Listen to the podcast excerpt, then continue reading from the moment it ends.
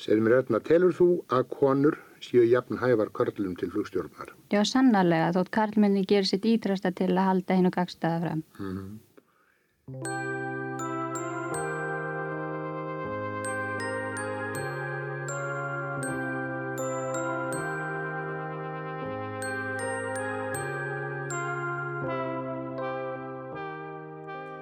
Hér eru við í Ernu Hjaltalín en henni kynist við betur síðar í þetta dagsins.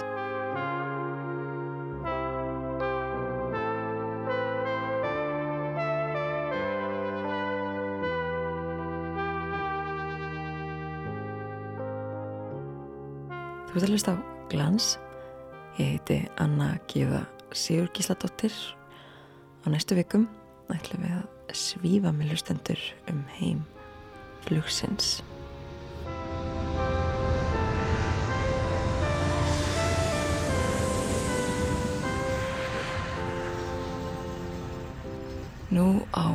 Farsóttartímum með tilherandi sóttvarnarreglum og samkomi takmörkunum er einilokunin ekki aðeins bundin vekkjum heimilisins Í það er ferðabann og flugsamgöngur er í Lamassessi sem hjá einhverjum kann að hafa fært mörg innilokunar að landamærum ríkja og sem staðar borga. Flug er mörgum hugleikið um þessa myndir. Hvort heldur djúbstæð, eðlistleg, óraunsæ og draumkjent þrámannsins til þess að hefjast á loft og fljúum heiminin ákveðin kvíðalus frelsismynd sem að maður kalla fram í hugleislu eða lett sig dreymum þegar að ítlastendur á eða einlegt flug og flug þjónusta en það flugfélagin að glíma við áður óþægt ástand um þessar myndir. Í þessari serju skoðum við innviði flugheimsins við reyfum upp merka atbyrði í söguflugs á Íslandi sögu sem að hófst formlega með fyrsta flugtækinu fyrir nú 101 ári síðan. Við reynum að skilja hvernig í óskopunum að í 200 tonna flugvíl getur hafist á loft og flóið langar vegalengdir stút full af farþögum og farangri. Við reynum einni í hlutverk flugvalla í seríunni, kynum okkur starf flugumferðarstjóra, flugvirkja, flugfreyja og flugmanna. Við skoðum grásrótina, ræðum við fólk sem að smíða sínar eigin flugvilar og við skoðum flugkvíða. Ræðslu sem að talin er hjá alltaf 20% fullarðina.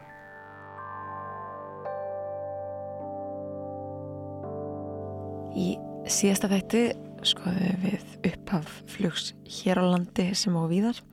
Aðaláherslan var þá á fyrsta íslenska flugið árið 1919 við hefum þá brott úr eldri vittulum við sjónarvotta stjórnarmann flugfélagsins sem að kom flugin í kring og einnig fyrstu flugfarþegana Í dag höldum við áfram á sögulegum nótum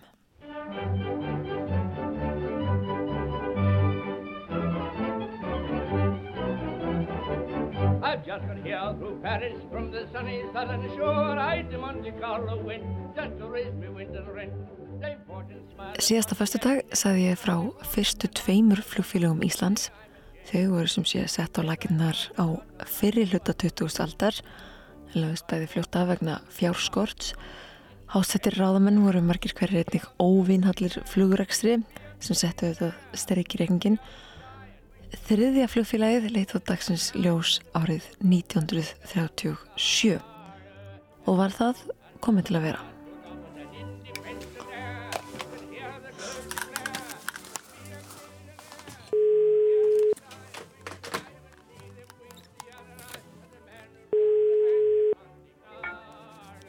Halló. Sæl, Arþór. Já. Blesaður, Anna Gíða hér. Það var sæl. Arþór Gunnarsson, sagfræðingur sem við kynntumst í síðasta þætti, sagði nánar frá þriðja flugfélagi Íslands. En Arþór skrifaði sögu flugvalla og flugleðsögu á Íslandi, bók sem hafa komið út árið 2018. þá er það aftur Agnar Kurt Hansen, ungur flugmaður sem hafi lært í, í danska hernum til flugs.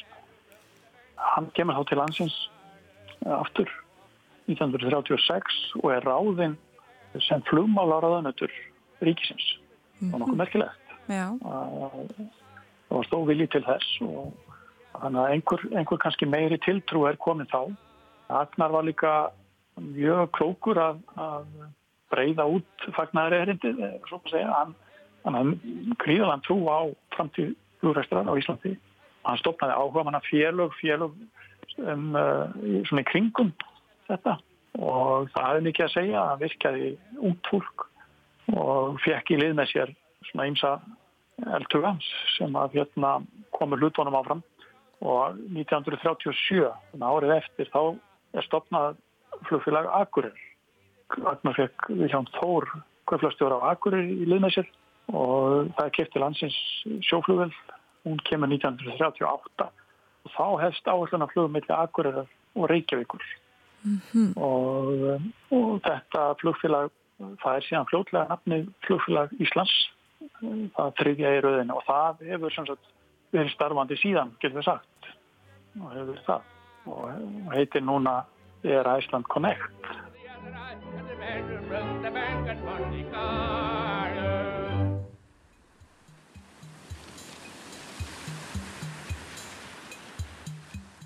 Í sapnkistur ríkisútarsins er að finna frásögn Agnars Kúfs Hansens sjálfs af tildröum þessa félags.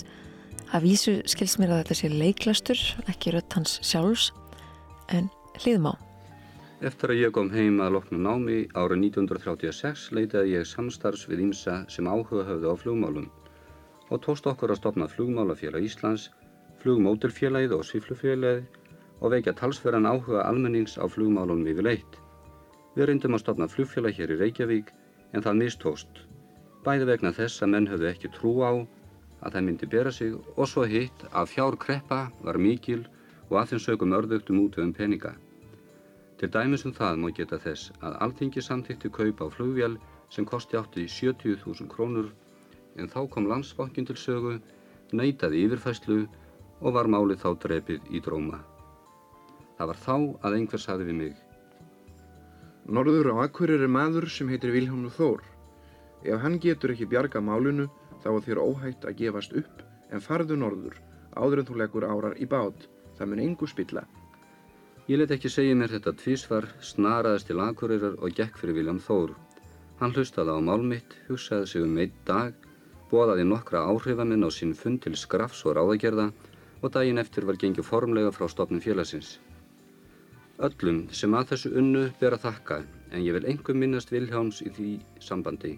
Það var fyrst og fremst honum að þakka að ég fór ekki bónleiður til búða þeirra norrlendinga. Svona myndi síðan Vilhelmur Þór upp af staga flugfélagsins. En eins og Artur sagði frá áðan þá var hann kaupfélagsstjóri á Akureyri. Akureyri var einangruð og einangrunni stóð í vegi fyrir þrefum og framförum En árið 1937 kom norður ungur maður, Agnar Kúfúð Hansen. Hann var svo hlaðin af áhuga, framtíðarvonum og samfæringarkrafti um gildi flugsins fyrir okkur hér á Íslandi að hann gjörsamlega reyf mitt hugmyndaflug. Svo var tekil starfa. Það fyrsta var að skapa hrifningu fyrir stofnun flugfélags. Það gekk vel. Fjöldi manna brást fljótt við. Nægilegt hlutafjöð sapnaðist á tveim dögum. Það voru aðalega áhuga menn. Þeir lögðu fram fjö, flestir tóku það af litlum sparisjóðum sínum, sumur stopnuð til skulda til þess að geta verið með. En svo komu erfiðleikar þegar gangi átti frá kaupum vélarinnar. Þá eins og nú var gjaldir í skortur og allt virtist ætla að stranda til fulls á þessu. En að lokum leistist þessi vandi, spari aurum akureyringa, fjagst breytt í dollara og vakkóvélinn var keft. Með vorvindunum árið eftir kom nýja vélinn til Akureyrar. Saga flugfélags Akureyrar er ekki laung, en hún reyngur síður saga mikilla átaka, dugnaðar og sigra. Ekki okkar sem vorum stjórn félagsins, heldur flugmannsins, flugmannana sem hverja stund er þeir voru í loftinu, voru aleinir í baráttunni við náttúröflin og eru þá eigin ábyrð að taka skjótar ákvarðanir án stuðnings af fréttum eða ráðleggingum frá jörðinni. Það var engin radioþjónusta, engir lottvitar, engir flugvellir, engar leiðbeiningar eða aðvaranir var hægt að senda. Allt var því á valdi flugmennsins, allt undir honum komið skarfskipni hans og snarræði.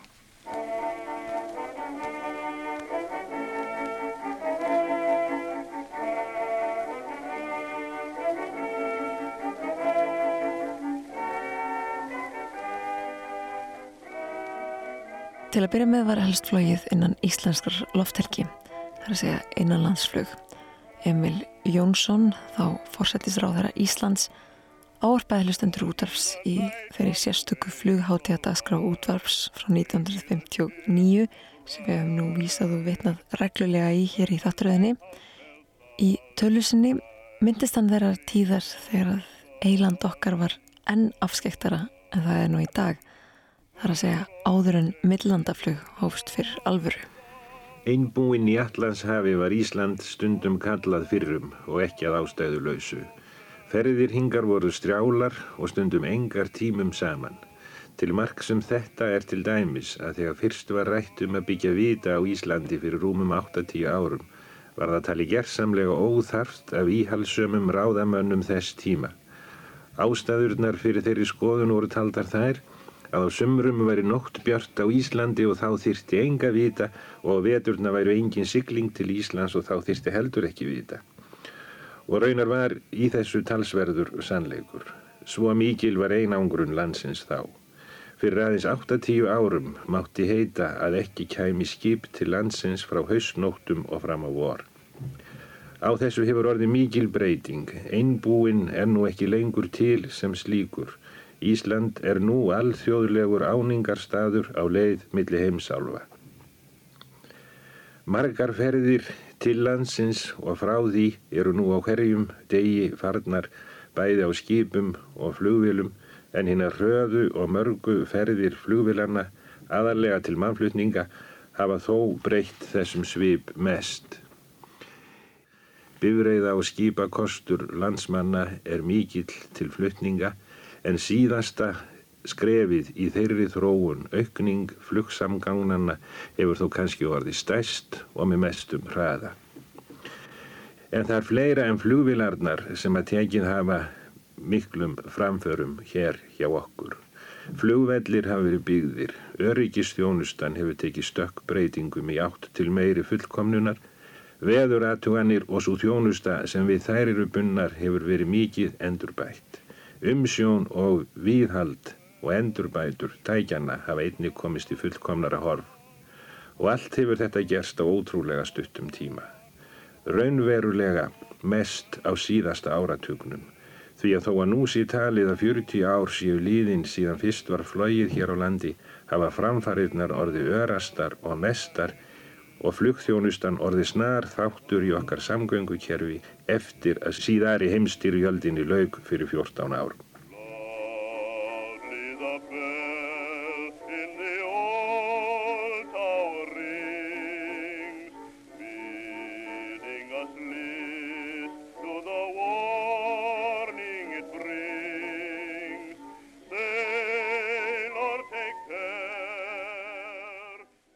Hversu mikilvægur eru flugsamgöngur fyrir eiríki eins og Ísland? Já, við höfum ekki landsamgöngur við útland, hvorki við eigin eða hjálpleitur og þurfum því að treysta mikið á flugi og auðvitað líka samgöngur á sjó. Þannig að flugi var gríðarlega mikilvæg viðbót við millilanda samgöngurnar þegar það kom til sögunar hér á landi eftir umströldina síðar og við finnum mitt vel fyrir þessu núna í COVID-19 þegar farþegarflug er, er hálamat. Uh, flugið hefur það auðvitað fram yfir flutningar sjó að, að bjóða upp á miklu meiri hraða og það er eflust erfitt fyrir nútíma fólk að, ímynda sér samkvökkur mellir landa á flugsins. Þá er þið gangvirki mannlýsins miklu hægra. Uh, þannig að það, það eru líka atriði flugsamkvökkurnar fyrir okkur Íslinga. Já og, og þú, skrifar einmitt sko að Íslendingar sé orðin mikil flugþjóð hvernig þá og, og svona gerðist það frekar hratt að við urðum flugþjóð? Já, það gerist alveg ótrúlega hratt. Uh, flugsamgöngur innanlands fara reyndar í fullan gang á strísum. Leið á stríði þá, þá voru mikið meiri hraði og peningavelta í samfélaginu og fólk er að fara á flugi og hérna og þá fer þetta svona að blómstra einanlands og, og fólk fyrir að venjast í að geta flóið á millistafa og flóið í suður, eins og við segjum. Og, og, og það voru bæði hérna landflugvilar og sjóflugvilar þannig að lendingastæðinir voru greiðlega margir, skiptið tögum um all land. Þannig kom þetta til á, á mjög skamum tíma. Og svo voru hérna, eins og ég myndist á aðan á tíanbili starfandi tvö flugflug innanlands þannig að samkeppnin var hörð um tíma mellir loftlega og flugflags Íslands. Og fólk tekur þessu fagnandi en það samgöngur á landi vegir voru mjög frumstæðir við þess hvar. Þetta lefti miklu lífi bara í þjóðlífi, getur við sagt, atvinnulífið skiptir miklu máli fyrir það líka.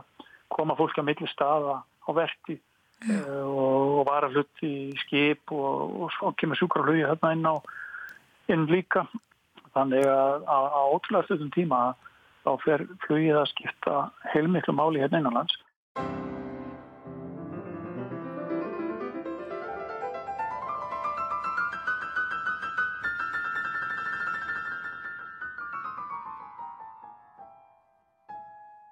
Ég spurði Artur út í millilandaflugið. Hvernig hófst það? Það er ekki fyrir eftir stríð. En mjög fljóklega eftir stríð þá uh, fara mann að reyna fyrir sér með það. Þá er teknin orðin betri, flugvilarnar orðnar öflugri, stærri. Já, flugteknin hafi þróast gríðalega mikið á heimstyrðar árunum síðari eins og flest tekni gerir á strístímum mm -hmm. og, og þá er einmitt komunar öflugri, langdrægari flugvilar og, og það er þá fyrst þá sem að komast á áallunarferðir á milli, já til dæmis Evrópu og Norður Ameríku. Uh, og þá fara Erlend flugfélag að fljúa hérna á milli sko. Og, og geta með viðkomu á Íslandi. Þá var Keflavíkur flugfélag komið til sögunar bandaríkjarnan kerðu hann og eins og við vittum á strísválunum og breytar Reykjavíkur flugall þannig að þá voru komin alveg flugall sem gáttu tekið á móti í millanda flugullum og þannig að það eru Erlend flugfélag sem að byrja á þessar leið. En, en Íslandingar fara hann að reyna fyrir sér fljótlega eftir strít mm -hmm og bæði þá flugfélag Íslands og, og, og loftleiðis sem að það flugfélag var stopnað 1944 einar ett og byrjaði innanlandsflugi en, en, en í byrjun sjötta ára tvörins þá hætta loftleiðir innanlandsflugi og einbetta sér að miðlandafluginu með góðum árangri. Það er svona þá, það er vinni á sjötta áratum, þá fer þetta að bera ávöxt sko, miðlandaflugi og, og verður bara smá saman mjög öflugt á þessum íslensku félagum.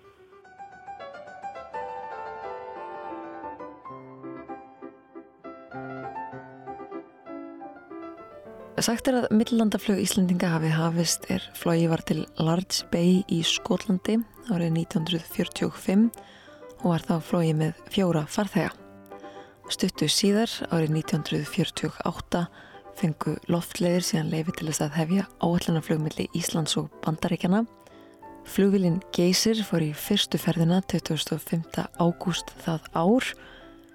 Sigurður Magnússon, bladafelltrúi sem við heyruðum töluvert í síðasta þætti, hann var farþegi í þessu fyrsta áallanarflugi loftlega til Bandaríkjana. Hann skrifaði um reynsluna á minnisblöð og las nokkra kapla upp við þeim minnisblöðum fyrir hlustendur útvaps það sama ár. Hljóðgæðin eru ekki mjög mikil en það er þetta upptaka frá 1948. En svona, svona kom fyrsta millandaflýð til bandarækjana Íslandingi fyrir sjónir. Klukkuna rúmlega nýja kvöldi 25. ágúst 1948. Ég sitt í aftasta sæti stjórnborðsmegin í íslensku skæmæstarflugvilinni Geysi en hún er nú á einum brautarenda Reykjavíkur flugvallarins búin til fyrstu áallunarferðar íslenskrar millilandavélar til bandaríkjana.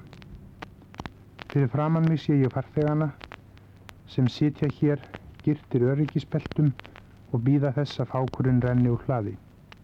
En þá er eftir að reyna síðasta hreyfilinn og ég finna fram í stjórnklefanum er áhöfnin að undirbúa flugtækið því geysir nötrar á spenning hreyflanna sem hvor af öðrum hafa gefið til kynna að þeir séu þess nú albúnir að bera okkur farsællega vestur yfir hafið. Hér sitjum við 45 farþegar og býðum þess handtagsflugstjórans sem sameina þetta feikna afl 5400 hestöfl um að flytja okkur öruglega hérðan á jörðinni upp í bláan geiminn vestur yfir óravegu úthafsins mikla alla leið til bandaríkjana. Hér sitjum við 23 kallar og 22 konur 12 útlendingar og 33 íslendingar. Elsti farþeginn 67 ára en hinn yngsti háls árs. Námsfólk, verslunumenn, ríkir og fátækir, öll með ólíkar forsögur en öll höfum við sameinlega falið forsjá okkar í nánustu framtíð þeim sem lesa nú á mælitæki stjórnklefans og ákvarða hvort haldið skul af stað eða snúið við til góðvinnana sem enn býða þess við flugskílið að sjá okkur hverfa hérðan út í kvöldhúmið.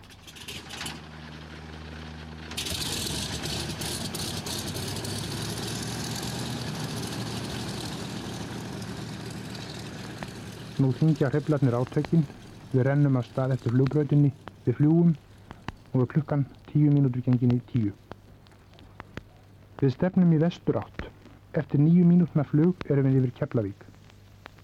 Ég sé út um gluggan minn að fókubekki er að byrja útsýn til Snæfellsnesfjallgarsins og eftir andartak er einn fannkvíti jökulkollur fremst við eina sem ég sé á landinu. En svo hverfur hann einnig sjónum mér. Síðast sá ég hann þó þennan gamla, tyggnarlega fjallkong Snæfellsnessins.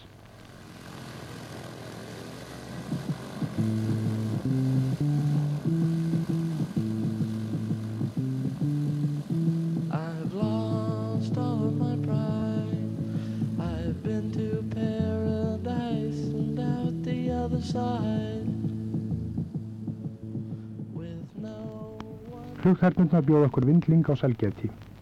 Öryggisbeltin eru leist. Þeir Kristján Jóhann og Eslún eru farnir að ræðum íslensk stjórnmál. Það eru leiðindamál. Ég lappa fram í til untouched.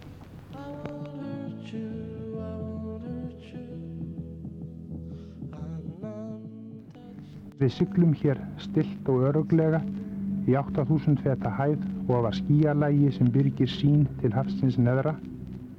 En hver veit nefn einhver kunni síðar að sjá eða heyra þessi dagbókarbrot mín, einhver sem ekki hefur haft aðstöðu til að sjá þetta eins og ég, en langaði til að fá vittneskjumla.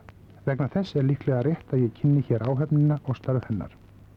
Ég finnst tvent áberandi sameinlegt með þessu fólki.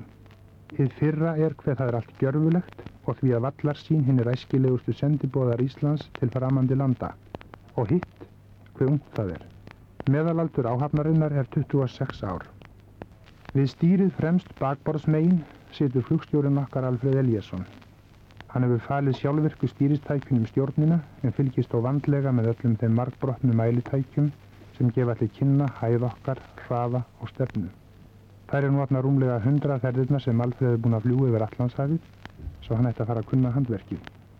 Við hitt stýrið, stjórnborðsmegin, situr Kristinn Olsen. Hinnar breiðu herðar hans og örug tök valda því að mér finnst hann myndi ekki síður sóma sér á stjórnpalli hafskips en við stýrið flugvélar. Engin Íslandingur hefur verið jafn lengi á flugi og hann eða rúmlega 4000 klukkustundir. Í þetta skipt er hann aðstofarflugmaður og tekur því lífinu létt, reykir úr heljan mikill í bógin í pípu og bladar í leiðabók millir þess sem að fylgist með mælitækjunum.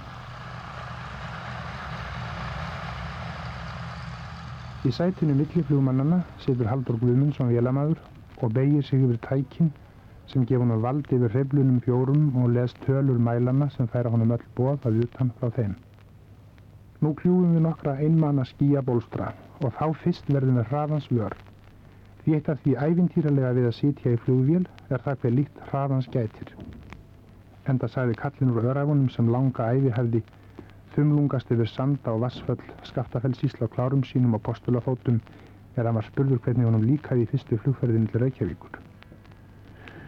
Og jú, þetta er svo sem nokkuð notalegt karlminn.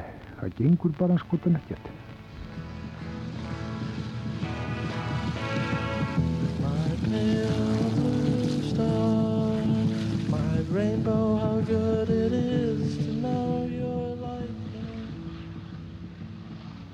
Stjórnborðsmegin, aftan flugmannsætisins, situr Axel Tórarensson, yfir syklingafræðingur, mæli fjarlæður á kortinu, reknar út stöðokkar og áætlar komið tíma til Gander. Hann virðist vera á annari skoðin en kallin úr örafónum því að markam á rekningslist hans, þá verðin við yfir Grænlandi klukkan eitt, enda förum við nú með 330 km hraða miðað við klukkustund. Bolli Gunnarsson, yfir lottskeitamæður, spilar alltaf á eina á sömu nótuna á borðinu sem hann situr við bakborðsmegin í stjórnklefanum en laugin hans eru þó allmörg. Nýlega er hann búinn að skiptast á hverjum við heklu en hún er nú að leið til Reykjavíkur frá Kaupmannahöfn. Nú náðan var hann, var hann að fá vittneskjum að þoka væri í Gander og völlurinn lokaður þar. Það verði laglegt við nú að snúa við. Flugþernurnar tvær Sigriður Gestóttir og Holmfríður Mekkinóstóttir eru önnum karnal við að sinna þörfum farþegana. Sigriður er nú að taka við tilkynningur á flugstjórninu til áhafnarinnar um það sem markverðast er að frétt á segir þar meðal annars að úti sé nú fimm stiga frost. Holmfríður er að hýta nestispela yngsta farþegans hérna í kokkúsinu sem er anspænis kójunu þar sem ég sitt og skrifa og hún lætur mjöðinn rjúpa á handarbak sér til að prófa hvort hann sé frambærilegur. Lítið er nú jafnrétti hér á þessum stað. Þessi ungi sjentilmaður fær sinn pela hendan að brosandi flugþærn en ég var áðan að stelast til að súpa nestispela vinnar míns lagfrættur um að flugþærnan uppgötaði skammastrykið og gerði pelan upptækan en við sluppum úr sem betur fór. Ég hef aldrei séð jafn undarlega litadýrð og þá sem nú blasir við okkur. Nokkra eftir að við fórum eitt ég því aðtikli að skíalægið neðan okkar var mjög sterk blátt og eftir því sem við ferðumst lengra var blái liturinn enn ríkari en nú eru skíin orðin alveg dökkblá. Íst við sjóndeldarringin stjórnborðsmegin er mikill rauður kvöldbjarmi sem ber eins og eldslogi við dökkblátt skíalægið hvort er það nú kvöldróðin bætir eða morgunróðin vætir eða öfugt. Við muna það enda alveg sama því þetta getur verið hvort sem er kvöld eða morgunróði og eina vætan sem ég get átt vona á hér er koktel sem ég veit að stúlkurnar eigi pokahotninu en að honum förum við að sofa og þá rætast öll fyrir.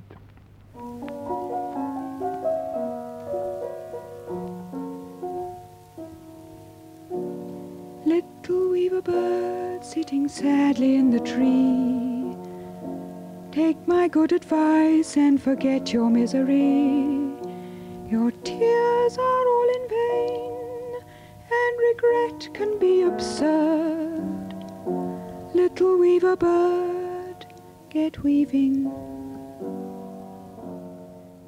The year is going by. Sigurður segir við og við frá öðrum farþegum þannig kringum sig. Gömul, silfur herð íslensk kona horfði stöðugt til landsins út um gluggan við stólinn hennar eins ekkert var framar að sjá.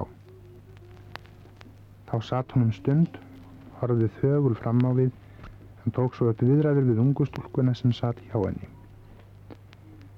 Ég er málkunnugur þessari konu og veit nokkur deila á henni. Hún heitir Guðný Ejjólfsson, er ekja, ættuð af Vesturlandi, fór ung til Vesturheims og kom í sumar í bóði bróðursins eftir tæplega 40 ára útivist. Ég sé þetta blessaða land mitt vist aldrei aftur sig úr minn, sá hún við mig.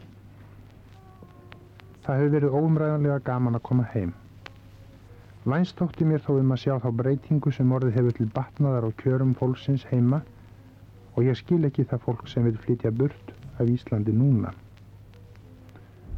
Það verið gaman fyrir mig að mig að vera heima en ég fer nú samt til Vancouver til að eigða ellinni þar því þar sem börnin manns eru verður maður að vera. Við höfum líka margt íslenskt í Vancouver. Dr. Haraldur Sigmar messar annan hvern sunnudag á íslensku. Svo höfum við líka elli heimili og þar er engungu töluð íslensk og þar komum við stundum saman. Börnin mín, nei þau skilja bara daldið íslensku en þau get ekki talað hana. Það er svona með ungu kynnslóðin í Ameríku. Hún er líka miklu ánæðara með lífið en við hinn eh, sem eigum einhvern veginn aldrei heima fyrir vestan en getum þó hverki verið nema þar. Little weaver bird get weaving Your children will arrive and expect a downy bed For everything alive needs a place to lay its head. She looked at me and sighed, but she never said a word. Er flugvillin flýgur yfir Grænlandi, veldir Sigurður vöngum yfir fornum tíma. Svo þetta er þá Grænland. Að baki okkar er leiðin þar sem skipin 11 fórust af þeim 25 sem letu í haf frá Íslandi árið 986. Neðan okkar er landi þar sem Íslands ríki var öldum saman. Framundan er siglingaleiðin til Hellulands, Vínlandsins góða. Hvað myndu Íslandingar þeir sem erjuðu jarðir eistri og vestri byggðar hafa sagt ef þau hefðu séð í anda okkur frændur sína svífa hér á íslensku loftfari yfir eitt land Íslandinga en byggðir Eskimóa og danskra húsbænda þeirra á Grænlandi. En nú er ekki tóm til að kyrja Ólafsrýmu grænlendings en það kemur svo tíða þegar grænlendingar einir sem byggja þetta land fá rétt sinn til að nýtja það sjálfur. Og dönsku einokkunar herrarnir hverfa í skammarkrók sögunar og Íslendinga hættir að reyma um nýlendur en fá mesta sjálfstæðismál sitt leist, réttin til íslenska landgrunnsins viðurkjöndan.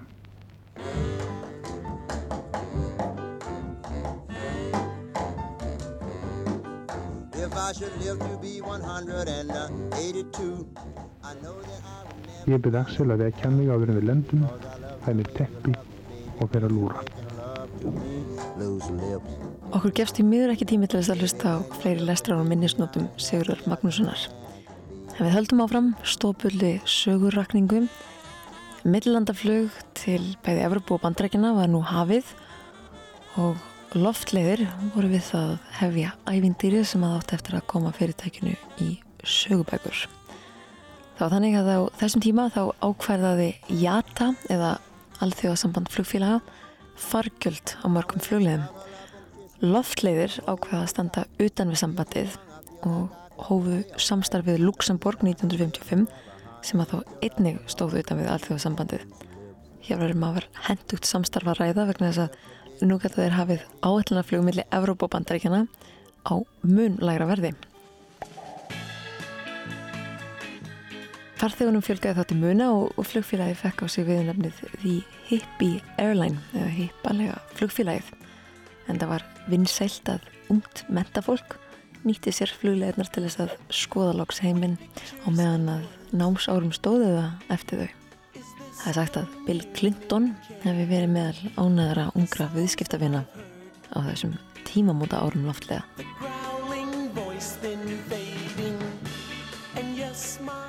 Á síðu Æslandir segir nánar frá sögu loftlega. Það segir að félagið var jú nýjungangjant á margvíslega máta.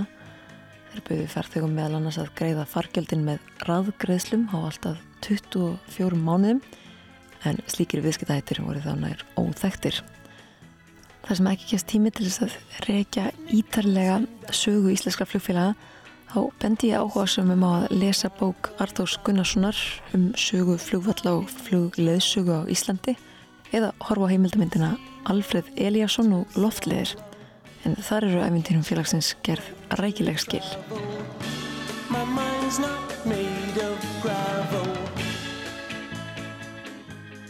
Loftleiðir þau brjóta blað í raunin í heimssögunni með lággelda flugförunum. Já það er magnað. svolítið sérsta dæmi sko. En uh, það tekst það tekst með því að, að vera í skjóli bandaríkjana vil ég orða það þannig að, að sko á, á þessum tíma þá voru nánast öll myndlanda flugfélag og helstu flugfélag heims þau voru í, í ríkisegu þau voru ríkisflugfélag en, en uh, loftleiðir var enga flugfélag og gatt komist hjá því að, að vera í JATA sem var alþjóðarsamband flugfélaga. Þar voru öll stóru flugfélagum og þar var mikil miðstýring í gangi þannig að, verði á, á að farakjaldaverði var, var stýrt, miðstýrt. Þetta var nú svona kannski ég með til að venda félaginn sko. Það, er svona ákveðin að segja frá þessu öllu saman sko en, en í rauninni fer, fer þessi gríðalegi alþjóðlegi flugræstur í, gang að það hann ekki stríð með því að, að, að, að, ríkin komu, þau komu að þessu sko og þau byggja þetta upp og þau byggja náttúrulega flugurinn líka sko. Þannig að, þetta er allt meir og minna ríki sér ekki. Mm -hmm. En, en, en loftliði stóður sem utan við það og voru ekki bundnir af samþygtum jata og gáttu þess vegna bóðið upp ódyrari fargjöld en, til dæmis það leiðist flugfélag Íslands ekki. En frá þeim tíma þá fóri mitt uh, þessi skipan að breytast ekki satt og þá fóri fleiri óháð flugfélag að, að, að poppa upp. Jú, aðeins er það sko að það var ekki mikið, mikið umburðalindi fyrir því sko því að það var ekki hægt að fljúa hvert sem er, hvaðan sem er eins og, eins og er hægt svo mikið núna vegna þess að, að það þurfti leiði til að fljúa ákveðnum leiðin. Eftir stríð er að alþjóða flugmálastofnun stofnuð að þá samanlegast mörg ríki heimsins um að, að, að um skipula flugmála og þannig að það var bundið leiðum hvert mátti fljúa. Mm. Þannig að, að til dæmis flug til og frá Íslandi og það var allt bundið leiðum. Það mátti ekki hversin er fljúa enga og ekki, ekki híðan heldur. Þannig að þess vegna þurft stjórnvöld hversu ríki sem sig að komast að samkómulagi um þetta með tvíþiða loftferðarsamningum. Þannig var þetta allt skipulagt. Þannig að sko framtagssamt fólk sem að vildi fara sko koma, koma á, á, á fluglegum einhverstað þar sem að því dætt í huga hefja flug og það virtist ábúða samt, það var ekkert hægt endilega. En, en loftlegir, þeir komust í kringum þetta vegna þess að samningur Íslands við bandaríkin, hann var á annari tegund loftferðarsamninga og, og veitti aðeins meira frelsi heldur en svona almennt ykkast. Og loftlegir nýtti sér það og með því að semja svo aftur við Luxemburg sem stóð utan við þetta líka, þetta kerfi, að þá gáttu þeir flója með bandaríkjana og Luxemburg, en þeir komu á Íslandi og bóðið upp á læri farkjöld. En annur flugfélög voru náttúrulega mjög óhrest með þetta og reyndu mikið til þess að, að stoppa þetta.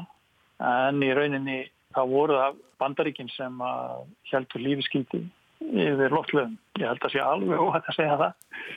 En, en hérna, þannig var það bara og hér komist mennu með ímislegt vegna þess að, að Ísland hafði hernaðilega þýðingum mikla fyrir bandaríkin. Ég skil. Þannig byggur það nú. En, en þar með ætla ég mér ekkert að gera lítið úr því mikla áriki loftlega mann að byggja upp enn að flugrestur sko. Það gerður mjög glæsi brag og þetta var náttúrulega risa fyrirtæki á íslenska mælikvara mm -hmm. eða að best létt.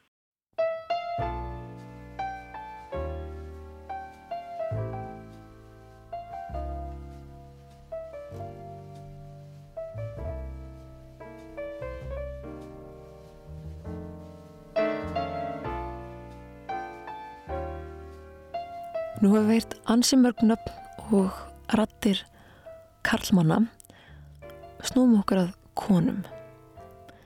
Sigurður Magnússon rætti við merkilega konu í hátíðaþætti flugsins 1959 en þessi kona var fyrst íslenskra kvenna til þess að taka enga flugmannspróf, atvinnuflugmannspróf og öðlastrættindi loftsyklingafræðings. Hún er nú komin að efstu tröppinni sem liggur til þeirra dýra sem opnar standa atvinnuflugmannum og þegar hún er búin að fljúa nýju klukkustunda blindflug til viðbátar þá er hún komin alla leið. Búin að fá réttindi atvinnuflugmanna og hefur þá einnig það umframmarka þeirra að hafa fullgild réttindi siglingafræðinga en prófi þeirri grein laugum fyrir tæpinn tveim árum. Hvenna byrjar þú að fljúa, Erna? Ég var 14 ára þegar ég fekk fyrsta stýraflugvil hjá pappa og 16 ára fekk ég leiði til að fljúa einn en var það að býða til 18 ára aldust til að fá réttindi sem engaflugmaður. Viltu gera svo vel og segja hlustundunum flugstundafjöldaðinn? Flugtíma mín er um 300 og flugvilagerðina er ég hef flóið eru 6.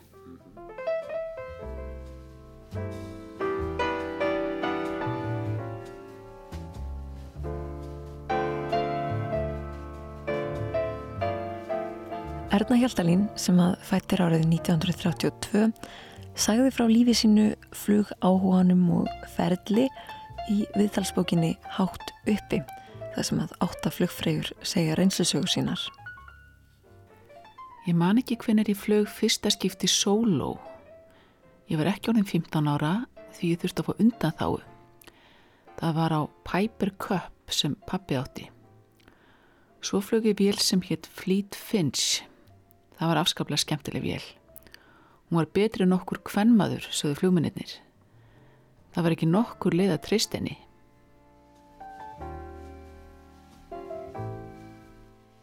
Ég var aldrei hrætti í flugvél, hins var ég hrætt að fara til læknis. Allir eru hrættir við eitthvað.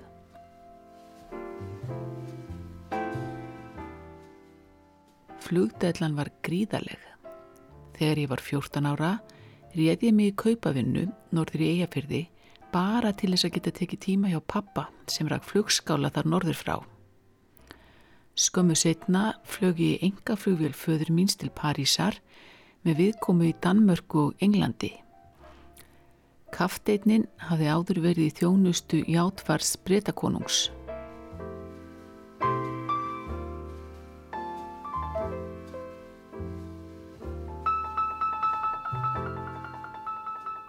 Á unglingsárunum sótti Erna nám við Veslunarskólan. Ég sótti tíma í saumum, afskaplega kvenlega allt í einu. Ég flög lítið á þessum árum. En þegar ég var svo í þriðjaða fjórðabekk Veslunarskólans var ég orðin nefandi í flugskólanum á kvöldin. Ekki gafst mikil tími til skemmtana á þessum árum, en um helgar flög ég. Það var mín besta skemmtun. Dægin sem ég var 18 ára egnaðist ég flugvél. Það var eins Reyvils Piper Cup. Pappi vakti mig þennan morgun og veifaði liklunum yfir rúmunu mínu. Hann var brosandi og sagði hæ til hamingju, bara sér svona, engin koss, bara bros. Hann var svona hann pappi, ekkert mál. Þetta voru dásamlegar endurminningar.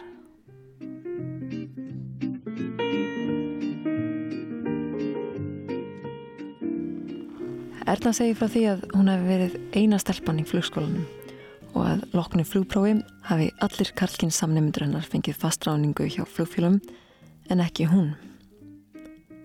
En hún fekk hins vegar vinnu sem flugfræða. Segir mér Erna, telur þú að konur séu jafn hævar körlum til flugstjórnar? Já, sannarlega, þótt karlmenni gerir sitt ítrasta til að halda hinn og gagstaða fram. Mm. Þú hefur starfað að flugi hjá báðum flugfélagum, er það ekki rétt? Fyrst starfaði rúmt ár hjá flugfélag Íslands sem flugfræja og það aðalagi innlandsflugi. Síðar fór ég til loftlega og starfaði þar enn. Og svo varstu afgriðslustjóri, hefur mann rétt hjá loftlega með köpna, var það ekki? Jú, ég var eitt ár á Kastrupflugvelli. Mm. Og þú heldur að okkur veri óhætti þeirri flugvel sem þú stjórnaðir? Já, því trúi ég öruglega. Er þið alveg sammálaðurna? Já, þér er því alveg áhyggjulegs.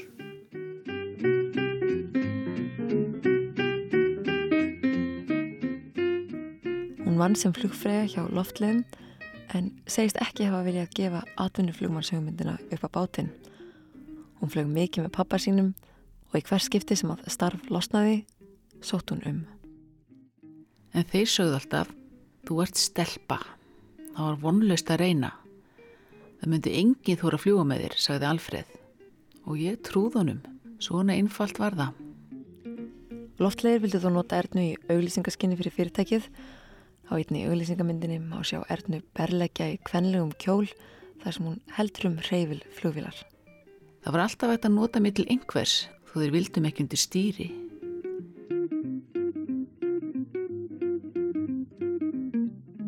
Þetta vakti tölverða aðtigli, það örðu bladaskrif en þá var engin rauðsokkarhefing til að styðja við baki á mér. Nú eru breytti tímar og ég hef líka breyst. Kanski held ég þessu ekki nægilega til streitu. En ég hafði gaman af að fljúa. Fyrst ég gæti ekki fengið það besta, þá tók ég það næst besta. Auðvitað var ég sár, en ég erði ekki hlutina. Ég reyndi bara að vinna vel það sem ég var að trúa fyrir.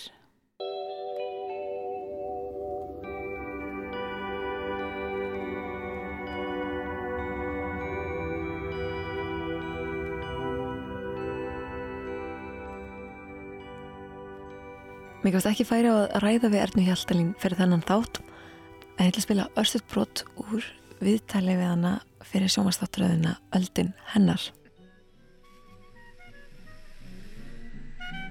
Úti í Kaupmanna hjá SAS þar sá ég stundur rúsneska flugkonur og það kom svona til, ég talaði stundur við þær og það segði bara kontið til Rúslands, þú fær vinnu sem flugmaður en það var á þeim tíma sem maður fór ekki til Rúslands.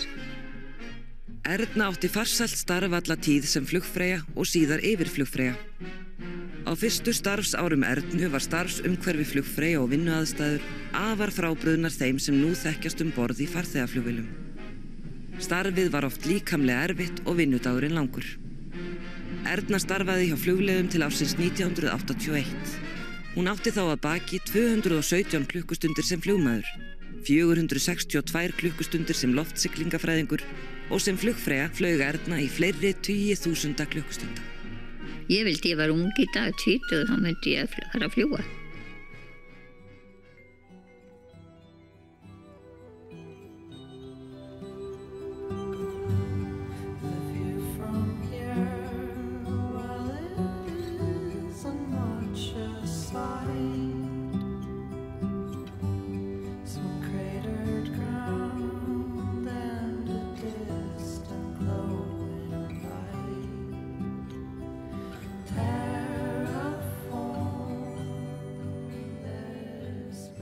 Hvað gerir síðan sko á undarferðnum áratugum?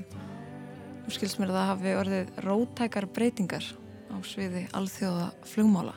Þetta er stóra mikil saga sko en, en þannig erum við kannski fyrst og semst að tala um, um frjál, frjálslindari viðhorf kakvart flugstarfsemi í heiminum og, og kakvart rekstri flugfélaga og, og síðan einnig flugvartu og, og þessi þróun hefur einhver leiti haldist í hendur við auki frelsi í viðskiptum eftir, við getum sagt, 1970 og því að útflutningsframleiðisla og hún færðist að miklu leiti frá vestbrennu ríkjum til ríkja í Asi og víðar in Hong Kong, in China, in Taiwan og allt það.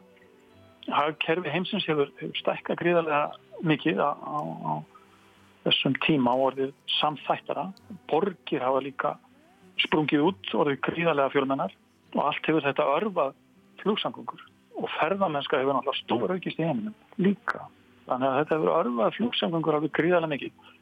En á sama tíma og þessi tróun hefur orðið, ég getum sagt svona gróft á síðust 50 árum, að þá hafa mörg stæðstu flugfélag heims verið engavætt, voru ríkisregin, meira og minna eins og ég sagði það á það og það gerði flugreksturinn sveinleg og, og betur í stakk búin til að laga sig að, að þessu breyta umhverju sem ég lísti á það. Og sama á við um, um rekstur margra stóra flugvalla sem hefur engavættur eða þeim komið í, í sérstök félög. Og þannig hefur rekstur þeirra orðið sjálfstæðari og það var gert með, með keflagurflugvall eftir að herin fór stopnað sérstaklega félag um, um rekstur keflagurflugvalla þá. Og þá er svona slitið á, á, á tengslinn svolítið við pólitíkina, við stjórnvöld og það er farið að reyka þetta meira á, á viðskipta grundvöld. Og annað mikilvægt aðrið þessu öllu saman er afnam sérlegana á, fluglegunum eins og ég talaði um á þann og eins niðurföllingu á þessum verðlas höftum og, flugmiðum. Og, og, og það er horfið frá miðstyringu þar og í, í frelsi. Og allt saman sko gjör breytir þetta í raunni ekstra fórsendum og öllu landslæðinu. Og fyrir íslensku, uh, íslenskan flugrækstur þá skiptir þetta, þá, þá, þá skiptir líka miklu máli þegar að Ísland gerði staðin að euróska efnagsvæðinu gegnum ES samningi 1994 og þá gátt íslenski flugrækendur og opnað nýja flugleðir millir staða í Evrópu án þess að, að, án sérstakra millir ekki samninga og samaskapi gáttu þá ennur í eurósk flugflög stopnað til áallunarflugs til Íslands án sérstakra samninga. Og þú, þú veist, þetta er ekki fyrr, sko. Öll þessi höft og, og bönd utanum þetta allt saman, þetta er að, trosna upp, sko. Og þá, það er þá sem að láð fargjaldar flugfélagin fara að blómstra. menn sjá sem sagt möguleika í slíkum rekstur. Þannig er það rétt skili hjá mér að, að eiginlega allir flugrekstur í dag, ekki allir endilega en svona mest megnis, bæði hérlendis og erlendis hefur orðið engavættur. Já. Þannig að þetta byrjar sem sko allt eigur ríkisins engavæðist síðan sem gerir þennan samtíma okkar bara daginn í dag mjög áhugaverðana því að hvernig bara þú með alla þína vittnufskju og söguna að baki nú á COVID-19 tímunum þar sem að flugfélagin eru bara ekki góðum málum og, og talað er um ríkissamstarf til þess að, að retta þeim er við að fara aftur svona, aftur á byrjunarreitin? Ég held að við förum nú ekki aftur á byrjunarreit en, en já, það er alveg rétt að faraldurinn hefur valdið því að ríki heimsáðu þurft að koma flugresturum til aðstofar og eignast jafnvel aftur hluti í flugfélögum eða veitt þeim einhvers konar fyrirgreyslu eins og hérna. En ég held að það verður nú ekki frambúðar. Það munir svo aftur leita í, í sama horfið og var þegar að, að getum glýtt í faraldurinn. Já. Þannig að ég held að nei, það, það, það mun ekki, ekki gerast að, að ríki heimsfari að, að sinna þessu eins og var gert áður. En allt er þetta byggt upp úr, þetta byggjast allt upp í raunni úr þegar ríkir að, rýsa upp eftir stríksárin. Mm -hmm. Þau eru náttúrulega sumt bara í rúst og geta ekkert. Og þess vegna þurfti svo mikla aðkomu ríkisins og ríkja til að, að koma þessu öll af stað og skipulegja þetta allt saman.